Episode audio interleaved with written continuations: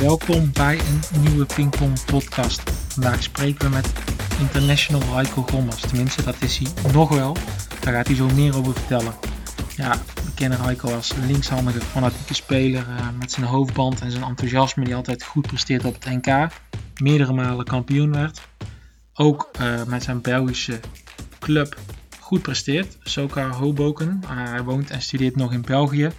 Maar hij gaat een andere weg inslaan en uh, daar gaan we met hem over praten.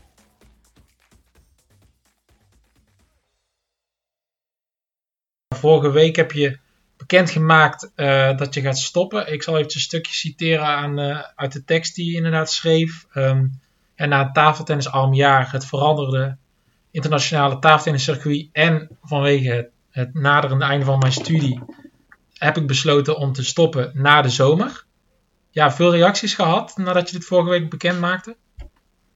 Ja, kijk, dat weet je. Ja, ik was ik natuurlijk een beetje vanuit gegaan vandaar dat ik het ook nu eigenlijk bekend maakte. Uh, ja, en heel veel leuke reacties gehad, maar ook wel mensen die, die voor heel erg verbaasd waren. Wat, wat, wat logisch is, denk ik, als je, zeker als je de achtergrond uh, ja, niet hebt gevolgd of niet hebt meegekregen.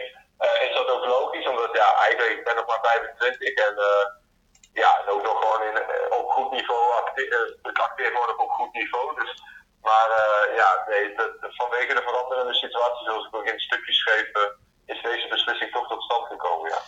Wat was dan het meeste doorslaggevend? Was dat uh, het veranderde circuit? Was het het einde van je studie? Nou, sowieso het einde van mijn studie. Dat betekent wel dat, er, ja, dat, dat ook mijn tijd in Leuven tot het einde gaat komen.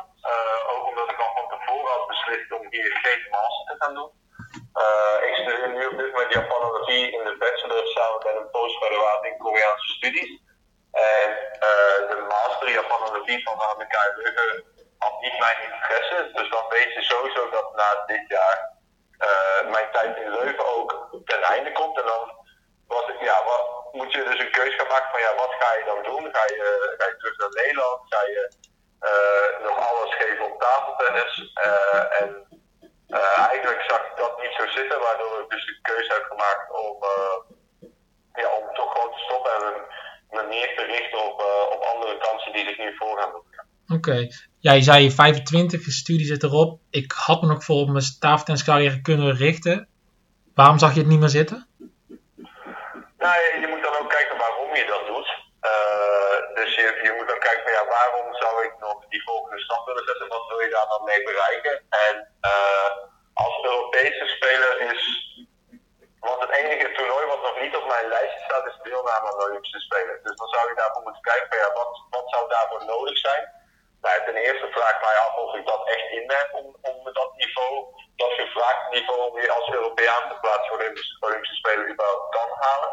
En ten tweede zou ik daar dan een enorme opoffering qua tijd, energie en uh, trainingsarbeid moeten doen. En uh, mijn gevoel zei, en ook nou ja, hoe ik er nu op dit moment in het leven sta, zei dat ik daar, ja, dat ik daar niet uh, de voldoening uit zou moeten halen die, ik daar zou, die eigenlijk wel zou moeten.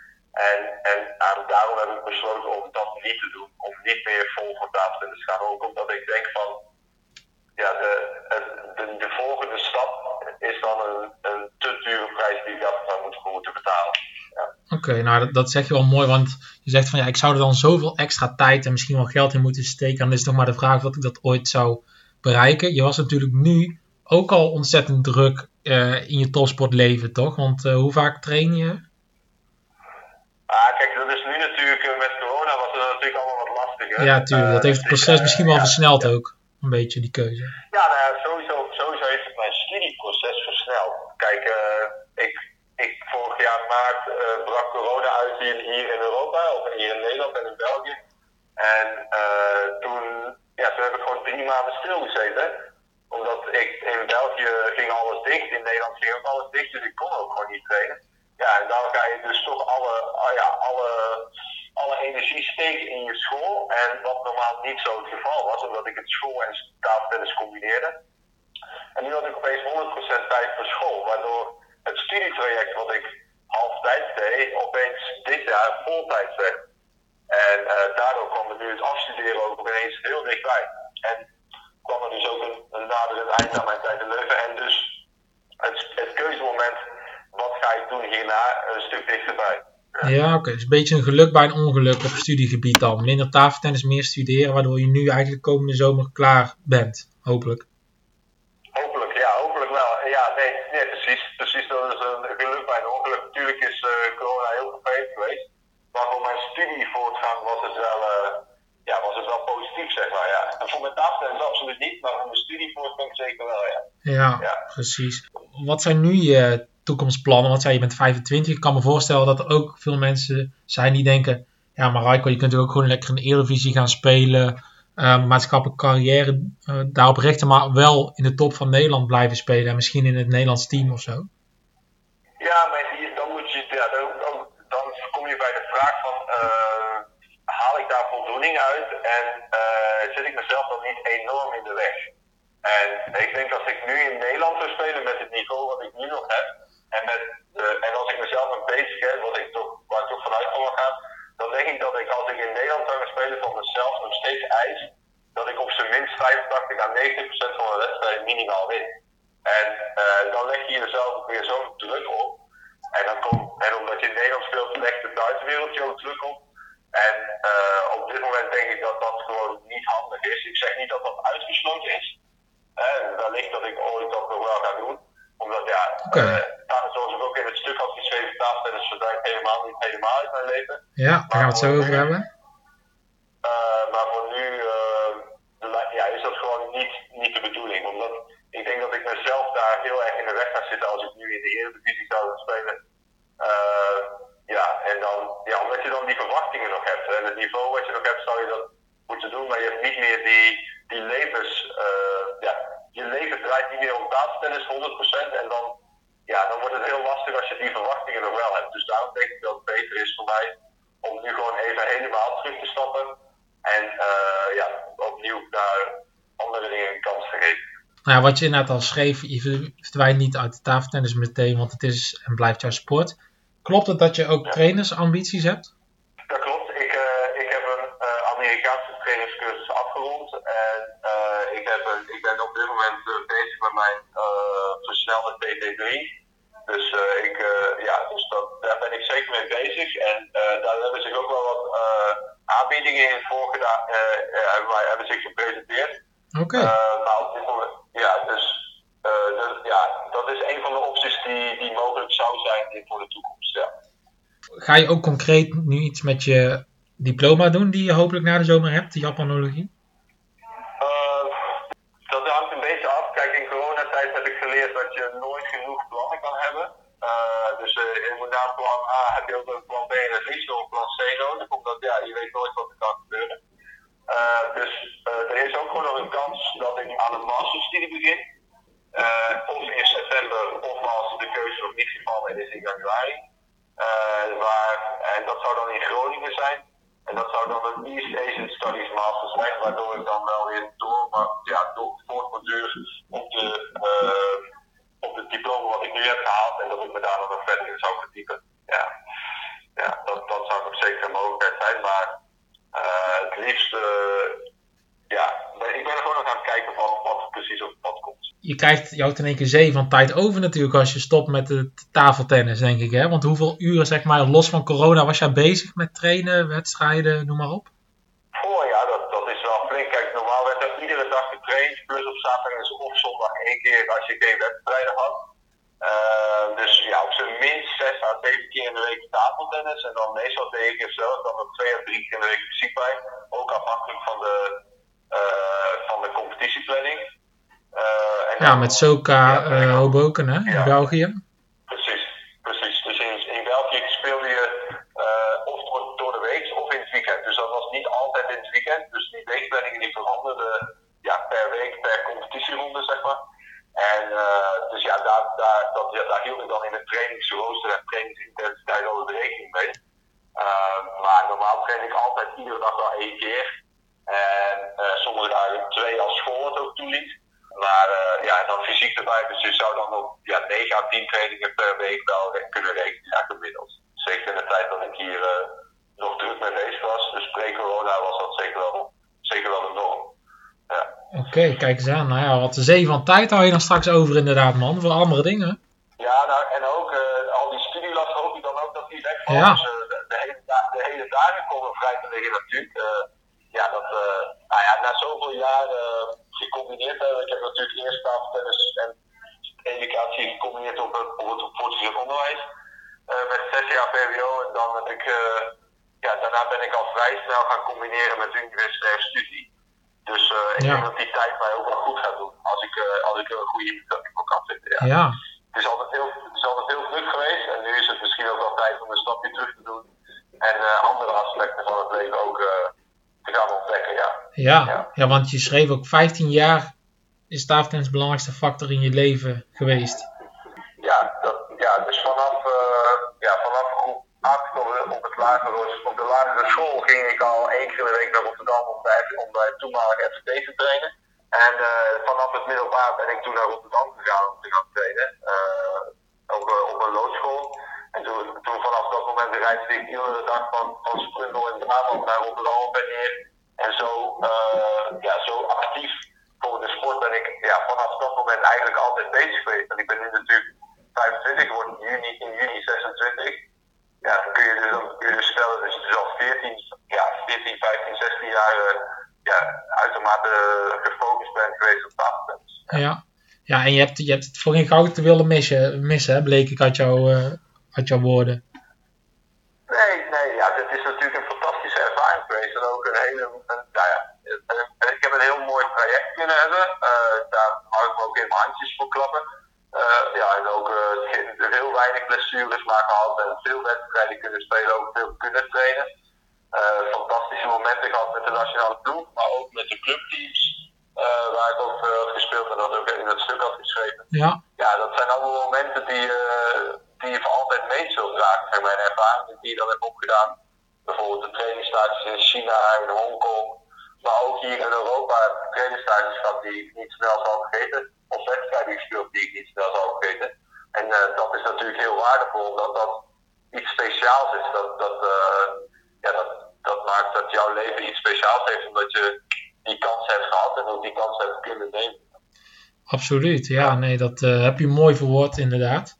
Ja, je zei ook inderdaad van, nou, topsport is niet altijd leuk geweest. Ik herinner me dat ik jou ook een keer sprak, uh, dat je nog, uh, ja, door je misschien nog, dat je op Kot woont in Leuven, hè, dat jouw uh, kamergenoten gingen feesten en dat jij naar bed ging. Ja, die momenten heb je ook allemaal gehad, hè? Zeker toen ik jonger was, toen, uh, ja, zeker op het voortgezet onderwijs of uh, ook op basisonderwijs. Ja, dan gingen kinderen, gingen, uh, dan gingen je vriendjes afspreken of dan gingen ze schoolfeestjes of ik veel verjaardagen. Ja, dat soort dingen heb ik heel veel gemist, omdat dat, dat kwam of niet uit met de roosters of met het wedstrijdschema of ik was er gewoon niet. Want in die tijd uh, was ik ook gewoon veel weg. Ja, dan, dan moet je dat altijd maar weer afzeggen. En uh, ja, dat was zeker toen was dat lastig. Kijk, nu weet ik waarom ik dat deed. Maar toen was dat soms wel eens hard, ja. Dat, dat, je, niet, dat je daar niet in mee kon doen. Dat je bepaalde dingen moest missen voor sport. Dat was een van de dingen die, die ervoor zorgde dat topsport niet leuk was. Maar ook het verliezen is niet leuk natuurlijk. ja, dat gebeurt ook. En uh, je, je kunt nog eenmaal niet alles winnen. En uh, ja, dat maakt topsport wel heel hard soms. Ja. Wat waren voor jou echt de absolute hoogtepunten? Nou, er zijn er wel een aantal geweest. Uh, absolute hoogtepunten was, zijn natuurlijk de twee nationale singles titels die ik heb gewonnen. Ja. zeker de eerste, dat was een enorme druk die van mijn schouders afviel toen. Omdat ik het nooit was geworden bij de jeugd. dus ja, dat was echt wel een doel op zich. Omdat ja, bij de jeugd was het gewoon nooit gelukt.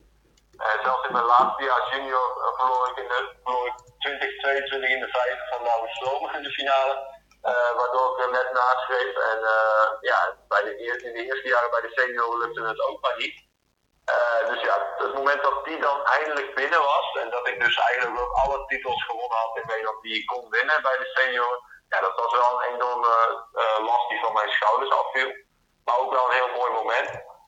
Uh, nou, uh, wat, wat zijn het meer mooie momenten? Ja, de, de landskampioenschappen met Taverso waren altijd. Uh, ja, die Eredivisie finale in Hilversum, dat was toch altijd wel een speciaal ding. ja, ja waar, waar, je dan ook heel veel vreugde uit haalde. Als je hem dan rond, zeg maar. Ja, met, met fans erbij en zo, ja. Ja, precies. Dat was altijd wel een beladen wedstrijd ook al. Want met Taverso waren wij toen, toen de tijd uh, Toren ook favoriet meestal. Maar omdat het maar één wedstrijd is, is dat wel, uh, was dat dan wel heel spannend, ook voor ons. Omdat ja, je mag wel favoriet zijn, maar in één wedstrijd kan heel veel misgaan. En uh, dus ja, dat was altijd wel een, een speciale lading, die wedstrijd. En uh, ja, en ook de bekerfinale hier bij in België, die we wonnen voor de ploeg, voor de, voor de club die nog nooit een prijs had gepakt op het hoogste niveau van de tafel in België. Was ook, uh, was ook een van die momenten die, uh, ja, die wel echt op de hoogtepunten behoort. Oké, okay, nu eventjes een paar korte vragen. Wat is de beste tegenstander tegen wie je hebt gespeeld? Oeh, de beste, ik, ja, ik ook Colorado heb ik tegen gespeeld en altijd enorm kansloos van verloren. Wat ook heel logisch is, maar ja, echt, daar heb ik me echt kansloos tegen gevoeld. Nu al twee of drie keer en uh, dat was echt geen kans. Echt, uh, ja, dat was echt wel een raar. Dat, uh, Oké. Okay. niks tegen te vergeten. Ja. dus dat is bij uitstek zo'n moeilijkste tegenstander tegen wie ik heb gespeeld. Oké. En, en in Nederland?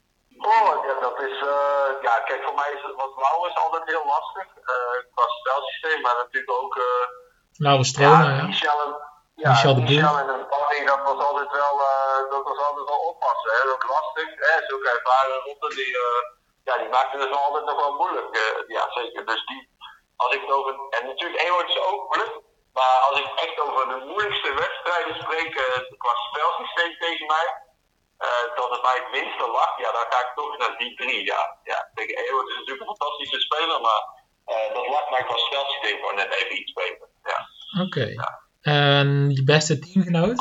Oh, ik heb nu, ik heb nu zes jaar in de ploeg gespeeld met Jeremy Coutinho. En uh, dus mijn, mijn teamgenoot hier bij Soka. En die is samen met mij toe gekomen bij Soka. Dus wij zijn daar samen in gegaan. En ja, fantastische seizoenen beleefd. En ook we verbleven dan meestal samen op de, op de hotelkamer en trainen van tevoren en na en zo.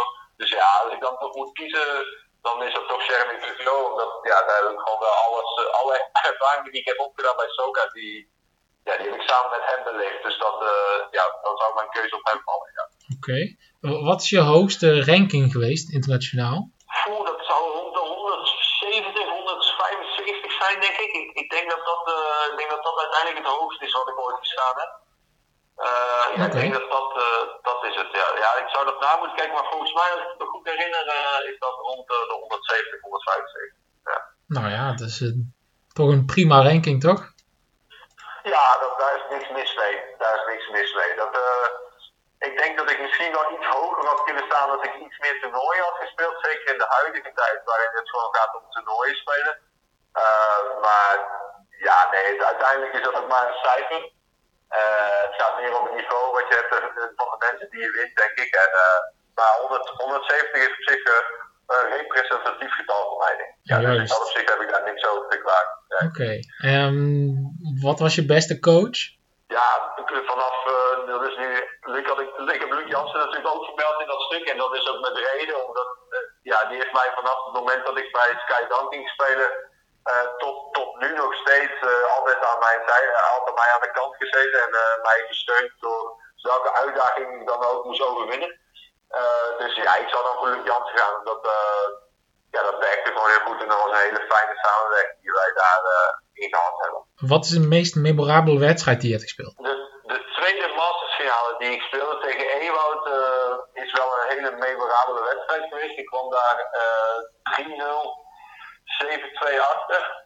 Uh, en dan 3-0 10-9 achter.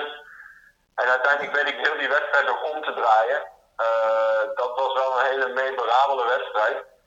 Er zijn er natuurlijk al meerdere memorabele wedstrijden geweest. Ik heb bijvoorbeeld tegen Mees gespeeld op het WK, en tegen Kajanga en tegen Smirnov in de Duitse competitie. En dat zijn ook hele speciale wedstrijden, maar als ik echt memorabel zou moeten zeggen, dan zou het die Masters finale zijn tegen Ewout. Precies, matchpoint tegen en toch nog winnen. Ja, vooral 3-0, 7-2 tegen achter. Dat, oh, ja. uh, dat was toch wel het verste wat ik ooit heb afgestaan, denk ik. Uh, en ook, wat ik me daar heel erg goed van herinner, kan herinneren, is dat eigenlijk niemand erin geloofde. Behalve uh, zelf. zelf. Oh, ook niet. Ik zelf eigenlijk wel een beetje. Maar dat kwam, ja, toen ik die set nog omdraaide, dacht ik dan van ja, nu beginnen we gewoon weer op nul en wie weet wat er kan gebeuren. Uh, maar op 3-0, 7-2 zag ik het natuurlijk ook wel heel somber in. Ja, Oké, okay, ja. Nou ja, mooie, ja. mooie les voor de luisteraars. Nooit opgeven, altijd doorgaan, want uh, je kunt het altijd omdraaien nog dus. Ja, ieder punt telt. Dat is met die wedstrijd wel. Dat is wel een les die ik geleerd heb uit die wedstrijd. Precies. Welke tafeltennisser of heeft jou echt geïnspireerd? Oh, ja, zoals iedere linkshandige Europeaan denk ik, ben ik wel fan van Timo Bol, denk ik. Uh, ja. Dat, uh, ja, dat is natuurlijk fantastisch om te zien. En dat hij op deze leeftijd ook nog steeds dit niveau haalt. En, en natuurlijk de, de, resultaten die hij haalt, dat is echt verbazingwekkend. En ook, kijk, als linkshandige Europeaan met die graag aanvallend speelt, dan is dat, ja, is dat het ultieme voorbeeld, denk ik. Ja, dat is het ultieme voorbeeld. Ja, wat was de beste teamprestatie? Nou ja, ik ben heel trots op het WK dat we gespeeld hebben in Halmstad. Uh, waar we toen 29e werden, eigenlijk tegen alle verwachtingen in. Mm -hmm. Daar winnen we van best wel goede teams. Uh, winnen we van Amerika met, met Canada erin. En ja, spelen we uiteindelijk gewoon een hele, mooi, een hele mooi toernooi met een mooi parcours.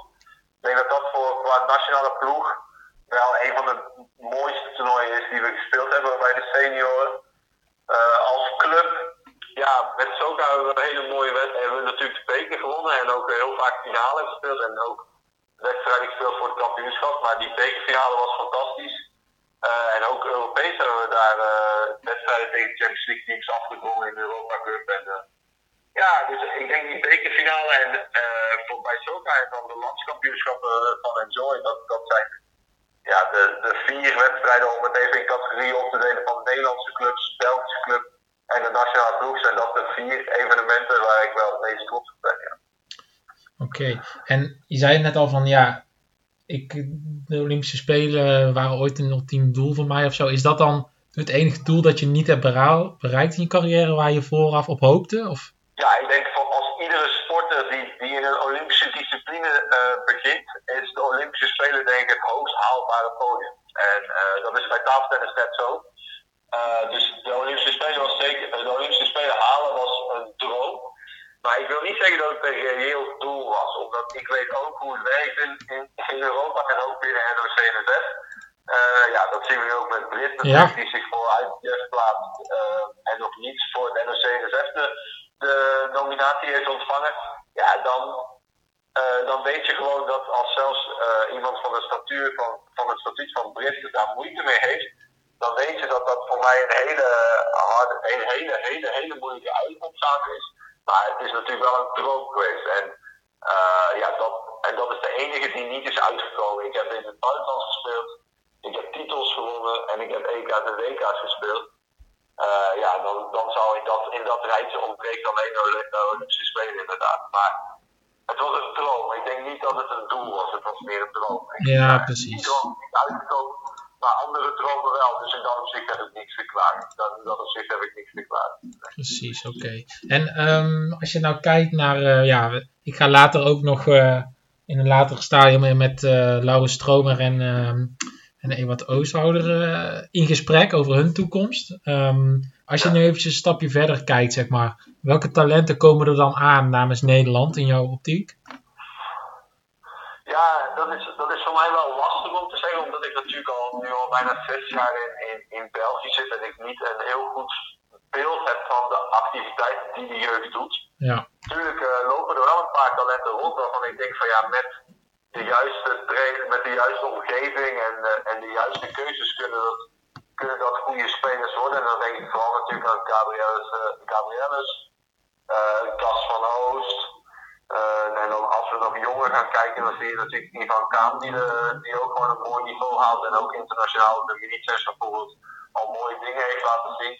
Maar goed, de, de weg voor hun is nog heel lang. Uh, ja. ja, daar moet. Ja, dat is, dat is gewoon. Het is ook wel. Tafeltennis is een sport van lang volhouden en veel uren maken. En veel dingen meemaken en van leren. En, en in dat opzicht denk ik dat de jongens qua internationale ervaring nog ja, ook Gabriel's na nog uh, allemaal wel heel erg uh, aan het begin van de berg staan. En uh, ja, ik hoop dat dat goed komt. En ik hoop, ik hoop dat dat voor het Nederlands tafeltennis, dus dat, dat ze daarin kunnen groeien. Maar het is een moeilijke weg op dit moment voor Nederlandse talenten. Omdat de aanwas is, is, is dun. En ja. het zijn vaak eenlingen die, die over het hele land verspreid zijn. Dus ja, het is, het is een moeilijke situatie, maar ik, ik vind het ze van harte als ze toch die volgende stap kunnen zetten, zouden kunnen zetten. Ja. Ja, zeker. Nou ja, en eh, wellicht eh, kan jij ze daar in de toekomst nog ooit bij helpen. Want wat voor, wat voor coach wil jij worden? Voor mij eh, als, als ex-topsporter wil je natuurlijk het liefst in de topsport, ehm, in de topsport terecht, terechtkomen. Maar wat ik vooral heel leuk vind is, en dat heb ik ook al twee keer mogen ervaren toen ik in Amerika was, op, op zomerstages werd ja, zelf, zelf trainen, een beetje coachen.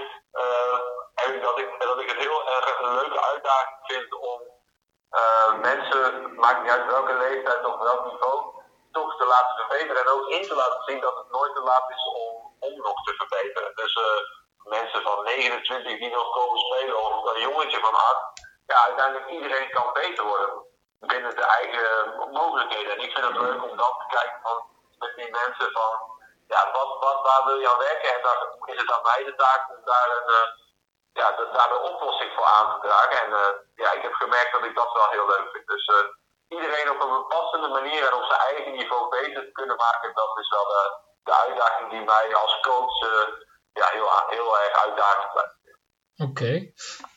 Ja, een beetje als afsluiter, zeg maar, wat voor tip zou jij nu uh, jeugdige talenten willen meegeven die ook dromen van een topsportcarrière als tafeltennisser? Uren maken, ja, dat, is, uh, dat, dat, klinkt heel hard en heel simpel, maar uiteindelijk ja, effectief uren maken. Dus ja, gewoon goede trainingsuren maken. En het liefst zoveel mogelijk. Kijk, uh, ik zeg niet dat je 26 uur of 24, oh, 24 uur in een dag. Ik zeg niet dat je dan 8 à 10 uur moet gaan trainen, maar ik heb liever dat je dan 4 uur of 5 uur kwalitatief goede uren maakt. En dat 5 of 6 dagen in de week. Voor 3, 4, 5 jaar lang. En dan kijken hoe ver je komt dan dat je nu als een idioot uh, 8 uur per dag gaat trainen voor een jaar en dat je daarna geen zin meer hebt in tafeltennis. Uh, effectief en plezier hebben in het trainen. Dat, ja, probeer dat te vinden. Dat zou ik ze aanraden. Ja. Dat, dat is het belangrijkste. En daar kom je uiteindelijk het verste mee, denk ik. Ja. Kijk, nou, mooie wijze woorden als afsluiting, denk ik, Raiko. Heel veel uren maken, heel veel uren maken. Die heb jij gemaakt en heb je mooie resultaten mee bereikt. Nu ga jij ja, het hoofdstuk uh, afsluiten. Maar je gaat misschien wel nog kwalificatie spelen hè, met, uh, voor het Nederlandse team. Is dat zo dat je daar nog aan mee gaat doen? Is het nog een beetje de afwachting misschien? Of? Ja, dat, zijn, dat, dat, die kwalificatie die is eind mei, heb ik pas geleden vernomen. En, maar het zal vooral afhangen van hoe ik er met mijn school voor sta. omdat dat ja, tuurlijk, ja. prioriteit heeft. Uh, ook omdat ik, ja, moeten, omdat ik natuurlijk na de zomer stop en het eindtoernooi is na de zomer, uh, moeten we even kijken van wat daar past. Ja, en precies. Uh, hoe, we dat, hoe we dat willen doen. maar goed, daar zijn we in overleg over en, en daar zullen we zeker een passende oplossing voor vinden tegen die tijd dat, ja. het, dat, het, dat, het, gaat, dat het gaat plaatsvinden. Precies, ja. daar volgt binnenkort meer nieuws over. Nou ja, um, bij deze bedankt voor het leuke gesprek en... Um, ja, we wensen jou natuurlijk veel succes in de toekomst. En we, gaan, uh, we blijven je natuurlijk volgen. En uh, wellicht zien we je als uh, speler of als coach nog wel eens terug in de Eredivisie. Want zo'n Trinko Kane of zo bewijst ook weer dat je altijd weer terug kan komen en op niveau kan spelen. Hè? Op zo'n Lee Jou. Precies, precies. Zeg nooit nooit. Hè? Dat, dat, dat, is, dat is een ding wat in de tafel. Zeg nooit nooit. Juist. Ja.